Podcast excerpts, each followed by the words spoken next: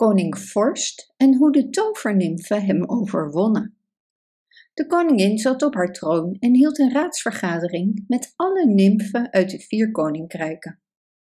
Er moest over een heel belangrijk vraagstuk beslist worden en de moedigste, verstandigste nimfen werden daarom geraadpleegd wat er gedaan moest worden. Koning Vorst had de oorlog verklaard aan de bloemen en het was een groot verdriet voor koningin Bloesem en haar onderdanen haar lievelingen jaar op jaar te zien verdorren, in plaats van een eeuwigdurende zomer te genieten, zoals ze anders konden doen. Ze had prachtige geschenken naar de koning gestuurd en hem gesmeekt de oorlog te staken, die de herfst zo somber en de tuinen en velden vol dode bloemen maakte. Maar de geschenken zond hij terug, weigerde haar smeekbeden te horen en zette zijn vernielingswerk voort. Mijn lieve onderdanen, zei de koningin, ik wil het nog een keer proberen of een van u een plan weet om zijn harde hart te vermurven en hem gunstiger te stemmen naar de arme bloemen. Toen ontstond er een groot geklepper van vleugels en gegons van stemmen, want alle tovernimfen waren zeer opgewonden en iedereen wilde iets voorstellen. De koningin luisterde aandachtig, maar geen van de plannen waren goed genoeg. Ze was ten einde raad tot haar hofdame Ster naar voren kwam en zei: Koningin, sta mij toe alleen naar koning Vorst te gaan en hem liefde te laten zien. We hebben nog niet geprobeerd om hem te laten zien hoe mooi zijn land zou kunnen zijn als wij geduldig zijn rijk veranderen en zijn dienaren leren bloemen te planten, in plaats van ze te vernietigen. Ik ben niet bang, want de liefde is machtig en ik weet dat hij een hart heeft, als wij het maar weten te vinden.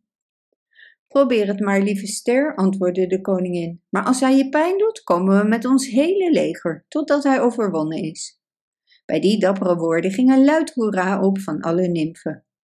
Ster wilde onmiddellijk gaan. Ze deed een warme mantel van zwanendons aan, nam een zak met zaad van al haar geurigste bloemen en ze werd begeleid onder kussen en tranen naar de poort van het nimfenrijk. Met een moedige glimlach vloog ze weg naar het noorden, waar de vorstkabouters wonen. Al snel werd de wind guur, verdween de zonneschijn en begon het te sneeuwen. Ze zag het paleis van koning Vorst. Alles was koud en donker. Er was geen groen blaadje te zien, geen vogel die zong, zover het oog reikte, alleen maar sneeuw, sneeuw en nog eens sneeuw. Op een troon zat de koning. Een kristallen kroon sierde zijn witte haren en zijn mantel was bezet met zilver ijzelwerk. Zijn ogen waren koud, zijn gelaat streng. En nooit bewoog een glimlach zijn stijve lippen. Hij fronste zijn wenkbrauw toen hij de nimf zag en trok zijn mantel dichter om zich heen, alsof hij vreesde dat de gloed van haar stralende gezicht zijn hart zou doen smelten. Toen vertelde Ster haar boodschap en smeekte hem met haar lieve stemmetje vriendelijk te zijn. Ze beschreef de wanhoop van nimfen en kinderen wanneer zijn bevriezende adem alle bloemen doodde. En ze hing een zonnig tafereel op van een wereld waar het altijd zomer zou zijn en verzocht hem te tonen hoe liefelijk bloemen een plaats versieren door wat bloemen te planten in zijn tuin. Hij bromde slechts en stuurde haar weg. Ik zal handelen zoals ik wil, en als uw koningin mij niet met rust laat, zal ik verder oorlog voeren en alle nimfen doen doodvriezen. Ster probeerde nog meer te zeggen, maar hij was zo woedend dat hij zijn soldaten riep en hun beval haar op te sluiten. De vorstdienaren voerden haar weg naar een donkere kleine cel en lieten haar daar alleen achter. Ze was koud en moe en heel verdrietig dat de koning niet naar haar wilde luisteren. Maar ze had een dapper hart en in plaats van te huilen begon ze te zingen. Haar sterrenogen lichten op in het donker en ze zag dat de vloer van haar gevangenis uit aarde bestond. Ze hoorde druppeltjes water afdruipen van de sneeuw boven. Toen glimlachte ze en die lach was als een zonnestraal. Hier hebben we aarde en water en de zonneschijn zal ik maken. En dan zal ik door mijn eigen tovermacht zelfs hier in het vorstland een tuin hebben. Ze haalde haar zaden tevoorschijn en ging aan het werk. Eerst verzamelde zij de druppels in haar warme handen en bevochtigde daarmee de aarde. Toen maakte zij de aarde los en plantte haar zaadjes erin, langs de muren. En toen ging ze midden in de kleine zeil zitten. zwaaide haar toverstaf en zong een toverliedje. En terwijl ze zong, werd het licht sterker, de lucht warmer en de druppeltjes vielen, totdat rijen groene plantjes tevoorschijn kwamen en opschoten als toverbomen langs de muren door de hele kamer heen. Mos bedekte als een kleed de rest van de grond en een zilverwitte paddenstoel sprong op waar Ster stond, als om aan te tonen dat zij de vorstin van het mooie plekje was. De vorstgeesten hoorden de muziek en kwamen kijken. En wat waren zij verbaasd toen ze haar mooie tuintje zagen in de cel. Ze gingen snel naar de koning en zeiden dat hij moest komen kijken. Hij kwam en toen hij het lieve tuintje zag, wilde hij het niet verwoesten, maar zien hoe Ster te werk ging en probeerde de macht te leren kennen, waardoor zij zulke wonderen verrichtte. Want de donkere muren waren behangen met bloeiende klimplanten van bonte kleuren. De grond was bedekt met fluweelmos. De waterdrupjes tikkelden met zachte muziek. En bloemen knikten tegen elkaar aan en praatten samen in voor mensen onverstaanbare taal. Ster zat op haar troon, nog steeds zingend en met een lach op haar gezicht. Ik ben sterk, maar zoiets zou ik niet kunnen, zei de koning. Macht trekt mij aan, en misschien, als ik goed op haar let, zal ik in staat zijn dezelfde wondermacht op mijn wijze uit te oefenen. Ik zal haar in leven laten, maar haar gevangen houden en naar hartelust andere bloemen vernietigen. Hij liet haar dus daar en kwam vaak naar haar kijken en verwonderde zich dan over haar vrolijkheid en haar moed. Want nooit klaagde of jammerde ze, hoewel ze zeer naar huis verlangde en het haar veel moeite kostte dapper en geduldig te blijven. Intussen wachtte de koningin met ongeduld op de terugkomst van Ster. En toen het lang duurde, zond zij een bode om te vragen waar ze bleef. Deze bracht de droevige boodschap dat zij gevangen zat en dat de koning haar niet wilde laten gaan. Toen was er groot verdriet in Nymfeland, want iedereen hield veel van de lieve ster. Zij vreesde dat het goede wezentje zou doodvriezen als ze haar in de macht van de koning lieten blijven, en besloten hem de oorlog te verklaren als hij Ster niet wilde vrijlaten. Generaal Zon riep het leger samen. De aardkaboutertjes waren te voet, in het groen gekleed, met eikeldopjes als helmen en grassprieten als zwaarden. De watergeesten waren in het blauw en zij hadden schelpen vol waterbelletjes, die als kogels geschoten werden.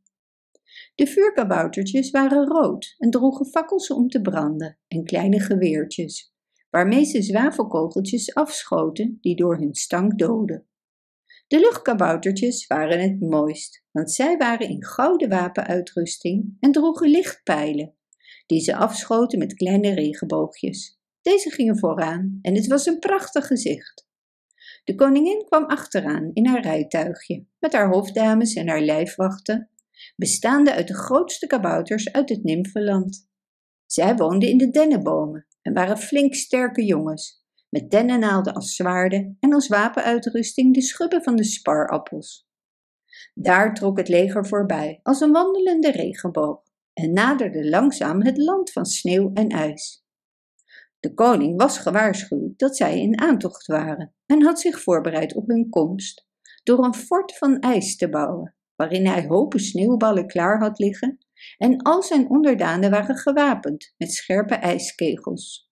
De koude winden bliezen en huilden als doedelzakken. De hagelstenen trommelden op de bevroren grond. Generaal Mis stond in zijn zilveren uniform gereed om het leger te ontmoeten, met een leger sneeuwmannetjes achter zich. Daar kwamen de troepen uit het Nymfeland en deden de ijswereld door hun licht zo schitteren dat de koning zelf er half door verblind werd en zijn ogen bedekte.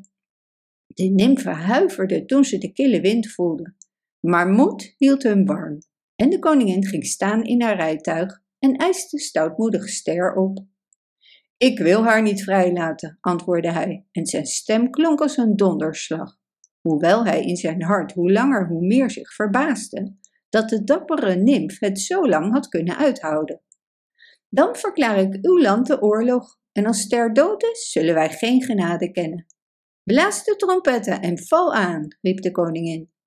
Generaal Zon liet de luchtkabouters eerst aanrukken, wetende dat niets lang weerstand kon bieden aan de aanvallen van de schitterende troep. Generaal Mist deed zijn best, maar werd teruggedreven, want zijn sneeuwmannetjes smolten weg wanneer de pijlen van zonlicht hen troffen. Ze waren genoodzaakt zich in het fort terug te trekken, van waar de koning bevel gaf, met een massa sneeuwballen de vijandelijke nymfentroepen te bombarderen.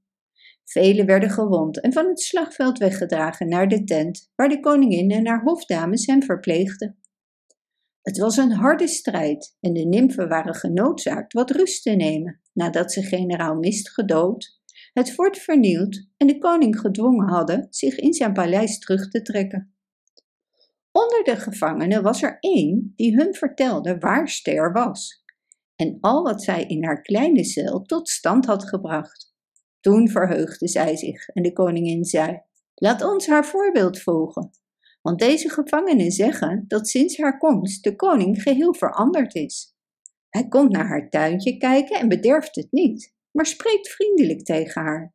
En het schijnt wel alsof zijn harde hart geneigd is tot smelten. Wij willen ook niet meer vechten.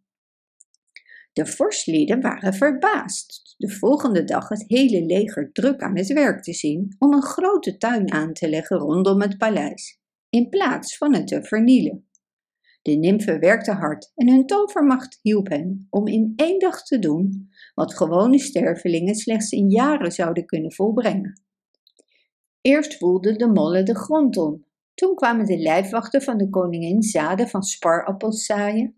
En binnen een uur was er een groene haag rondom de tuin, waarin de aardnimfen zaden brachten van alle bloemen. De vuurnimfen verwarmden de lucht en verdreven de koude winden. De waternimfen verzamelden druppels van het smeltende ijspaleis en bevochtigden de bloemen, nadat de vuurnimfen de kou van het water weggenomen hadden, terwijl de luchtgeesten van bovenaf zonneschijn maakten. De koningin en haar hofdames hielpen, want zij toverden vogels en insecten tevoorschijn en vroegen hen te zingen en te fladderen in die nieuwe wereld. Langzamerhand smolt het ijspaleis, want tussen de nieuwe dennen waaiden warme winden en de muren werden zo dun als glas. De torens verdwenen als ijzel in de zon en alle ijsblokken vloeiden achtereenvolgens weg als kleine beekjes. De koning wist dat hij overwonnen was, want ook het ijs in zijn hart begon te smelten en zijn hart begon te kloppen. Zijn gezicht werd minder strak, alsof hij wel had willen glimlachen als hij wist hoe dat moest. De koning bood zo lang mogelijk weerstand, want hij was zeer trots, maar zijn macht was voorbij.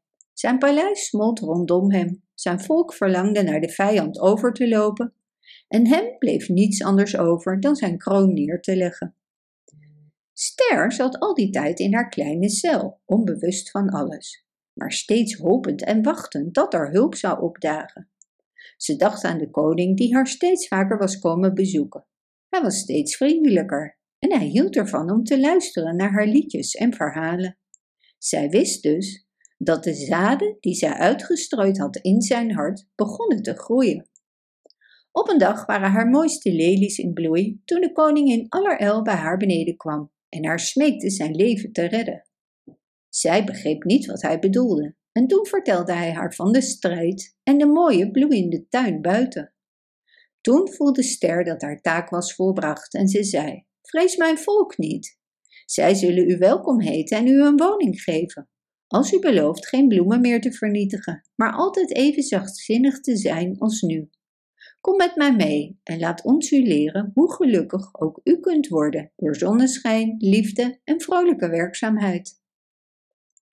De koning beloofde dat en ze verlieten samen de cel. Een luide kreet ging op toen de nymfen ster zagen. Ik wil uw vriend zijn, zei de koning en boog zich voor koningin Bloesem. Die dag vierde zij een groot feest. En daarna ging het nymfenleger terug naar huis, zeer tevreden over de slag die zij geleverd hadden. Hoewel iedereen zei dat het eigenlijk Ster was die de vorstkoning overwonnen had. Bedankt voor het luisteren. Wist je dat je dit verhaal ook op onze website ririro.com/nl kunt lezen, downloaden en printen?